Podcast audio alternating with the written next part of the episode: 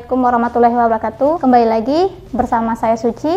Nah, hari ini kita akan membahas tipe penalaran analitis yang ketiga, yaitu tipe implikasi. Sebelum kita lanjut, ayo dong klik tombol subscribe-nya biar channel kami ini semakin berkembang dan kami bisa memberikan konten-konten yang lebih menarik untuk sahabat upstate semuanya. Tipe implikasi ini sendiri, namanya juga implikasi ya sahabat-sahabat upstate. Jadi tipe soal ini sedikit lebih rumit dibandingkan dengan tipe-tipe sebelumnya. Implikasi adalah salah satu jenis penalaran analitis yang berkaitan dengan hubungan antar syarat. Nah, ini dia kuncinya. Hubungan antar syarat. Anda diminta untuk menghubungkan informasi yang sedikit rumit. Pada tipe ini akan diberikan pertanyaan bersyarat. Nah, jadi contohnya misalnya, jika Andi membeli celana, maka Doni tidak akan membeli baju. Nah, itu merupakan salah satu contoh implikasi karena terdapat hubungan antar syarat. Pertanyaannya itu sangat berkaitan erat dengan ketentuan-ketentuan yang telah ada pada soal. Nah, biasanya tidak jarang juga soal implikasi ini kita tidak bisa menentukan apa maksud dari tujuan pada soal. Dan untuk menjawab soal tersebut kita perlu melihat kembali kepada optionnya.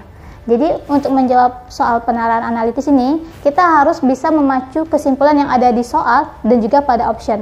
Seperti pertemuan di tipe kombinasi, kita menjawab contoh soal yang mana untuk menentukan urutannya kita berpatokan pada option yang ada pada soal tersebut. Sekarang kita akan membahas contoh soal implikasi. Berikut telah ada contoh soalnya. Doni, Dian, dan Daris berangkat bekerja menggunakan kereta api.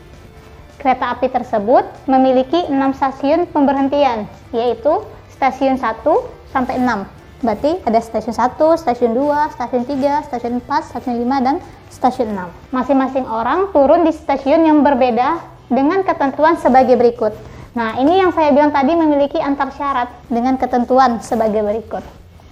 Apabila ada yang turun di stasiun 3, maka tidak ada yang turun di stasiun 5.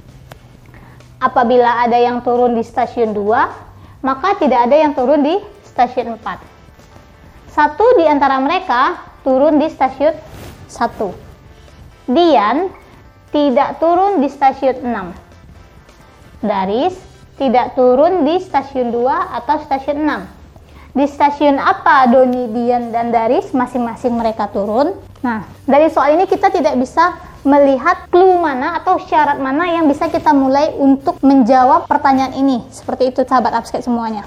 Jadi tidak ada clue yang memastikan misalnya Daris turun di stasiun 3 atau Doni turun di stasiun 5. Tidak ada clue yang langsung menyebutkan seperti itu. Sehingga kita tidak bisa mengandai-andai di mana turunnya si Doni, Dian, dan Daris ini. Oleh sebab itu, jika sahabat absen sekalian menemui soal yang seperti ini, langsung lihat di optionnya. Biasanya soal seperti ini, kata kuncinya akan langsung ada di optionnya. Di sini kebetulan optionnya ada A itu stasiun 1, 2, 5, B stasiun 1 2 4 C stasiun 3 1 5 D stasiun 4 6 1 E stasiun 4 stasiun 3 dan stasiun 6 untuk menjawab soal ini kita langsung berpatokan kepada optionnya saja di sini dia minta urutannya itu Doni, Dian, dan Daris. Berarti kita harus melihat option yang sesuai dengan nama mereka. Di sini ada kata kuncinya tadi, Dian tidak turun di stasiun 6 dan Dian itu berada di posisi yang kedua. Maka option yang memiliki stasiun 6 di dalamnya otomatis langsung kita backlist atau kita silang. Di sini yang memiliki stasiun 6 jawabannya adalah D. Maka otomatis D ini salah. Kita coret dulu ya teman-teman, ini salah karena ada stasiun 6-nya. Oke, berarti option kita tinggal A, B, C, dan E.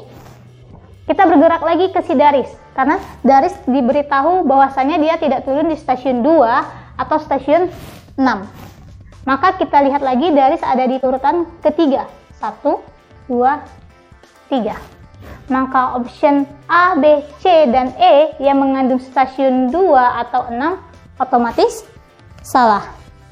Kita lihat di sini option E mengandung stasiun 6 di urutan ketiganya. Maka option E juga salah. Sekarang kita tinggal punya A, B, dan C. Nah, kita lihat di sini. Stasiun 1, A itu stasiun 1, 2, dan 5.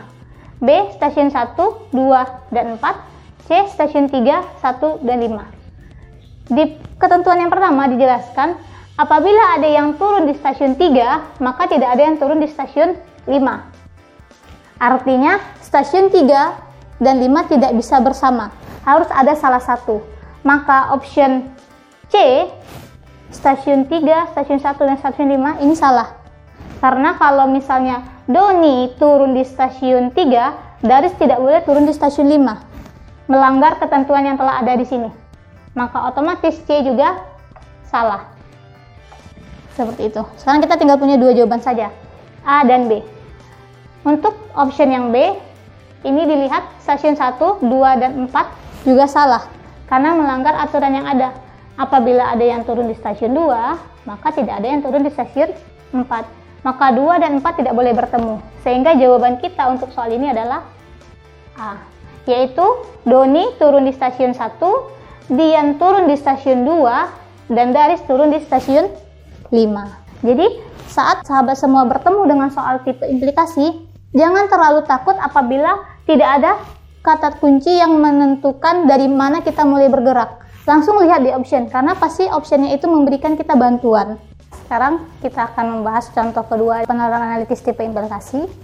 Soalnya sedikit panjang ya sahabat-sahabat upscape semuanya, tapi jangan khawatir karena cara menjawabnya nggak sepanjang soal yang ada. Seorang profesor memutuskan untuk memberikan bimbingan kepada tiga mahasiswa, yaitu Andi, Firdaus, dan Hamka. Beliau bisa bertemu dengan maksimal dua mahasiswa dalam sehari, dari Senin sampai Jumat beliau mengatur jadwal sesuai dengan aturan berikut. Nah, ini adalah ketentuannya. Yang pertama, setiap siswa bertemu dengan profesor dua kali dalam seminggu. Yang kedua, tidak ada siswa yang bertemu dengan profesor dua kali dalam hari yang sama. Yang ketiga, Andi menolak untuk menemui, menemui profesor pada hari Jumat.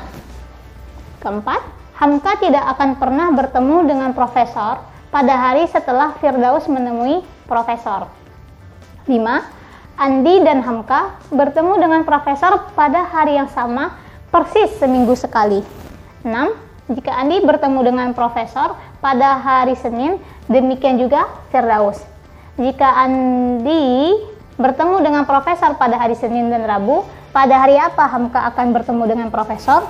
Nah, untuk menjawab soal ini, pertama-tama kita perlu membuat kesimpulan dari enam ketentuan yang telah ada.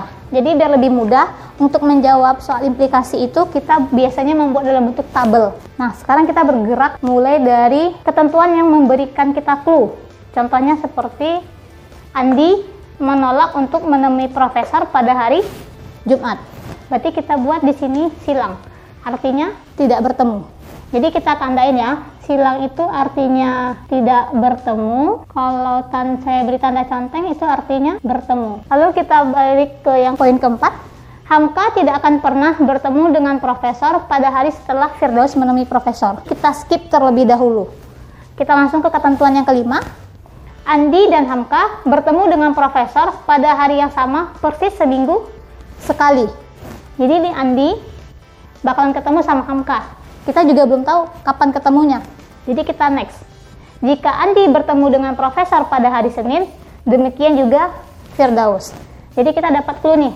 Kalau Andi ketemu hari Senin, Firdaus juga ketemu hari Senin. Nah, berarti nomor 6 selesai.